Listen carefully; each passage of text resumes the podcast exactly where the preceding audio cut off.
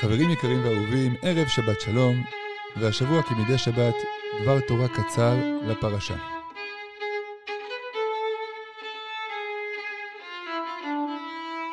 נקודת המבט. היום כשאני חוזר הביתה מה... מקריית ספר עם הילדים, אני עומד בפקק תנועה ליד הרמזור, בלתי מוסבר, ולפתע רכב לבן, בגסות, בפראות, יוצא מהנתיב ועוקף משמאל את כל הפקק לכיוון הרמזור. אני, מהזווית שראיתי, נורא נורא התעצבנתי, ישר פירשתי שמדובר פה על איזה עבריין תנועה צעיר שלא אכפת לו מכלום. היה בא לי ככה לבוא, ללמד אותו, לעשות בו שפטים.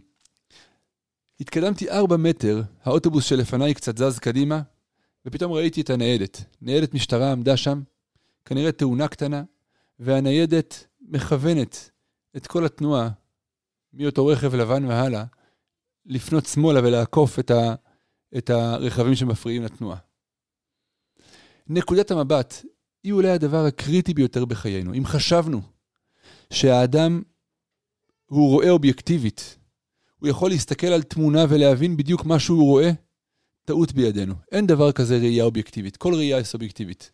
הפרשה מספרת לנו על 12 מרגלים שנשלחים לשליחות מאוד מיוחדת. טרום הכניסה לארץ הם הולכים לראות את ארץ ישראל, את הדרך אשר נעלה בה, את הערים אשר נבוא עליהם. הם הולכים וחוזרים ומספרים בדיוק מה שהם ראו. הם לא שינו פרט אחד ממה שהם ראו. והתורה מתארת לנו את הסוף הטרגי של הסיפור, שעם ישראל במדבר 40 שנה, וכל מי שהיה שם בדור הזה מתו ולא נכנסו לארץ. על מה ולמה? מה היה החטא של המרגלים אם הם סיפרו בדיוק אותו דבר, מה שהם ראו, לא שינו אפילו פרט אחד. אומר, אומרת לנו התורה, זאת נקודת המבט. המרגלים מראש הלכו לשליחות שלהם, כשהם מחפשים את הדברים הרעים בארץ. חז"ל מתארים לנו שהמרגלים בתוך, תוך, בתוך תוכם, אולי אפילו בתת מודע שלהם, לא כל כך רצו להיכנס לארץ. הם חיפשו טוענות ותירוצים וסיבות למה לא להיכנס לארץ. וכשאדם הולך בכזאת צורה, הוא ימצא אין סוף סיבות ואין סוף תירוצים. נקודת המבט היא זאת שקובעת לנו מה אנחנו נראה.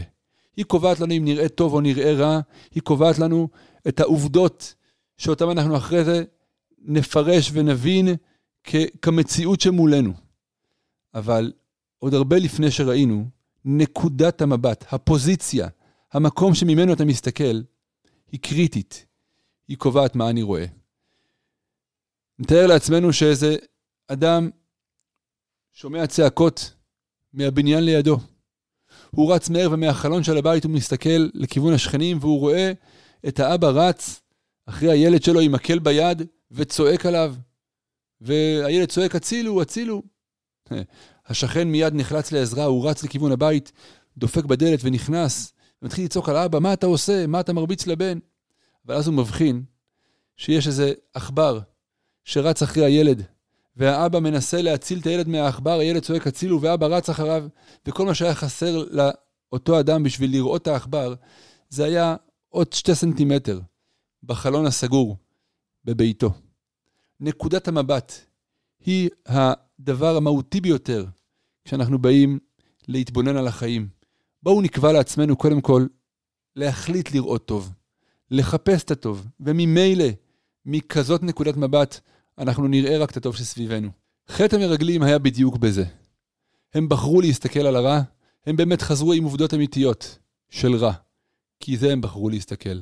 בואו נסגל לעצמנו את המבט החיובי, את המבט הטוב על החיים, ובזה נהיה מוקפים בטוב, מוקפים בחסד, שיהיה שבת שלום ומבורך לכולם.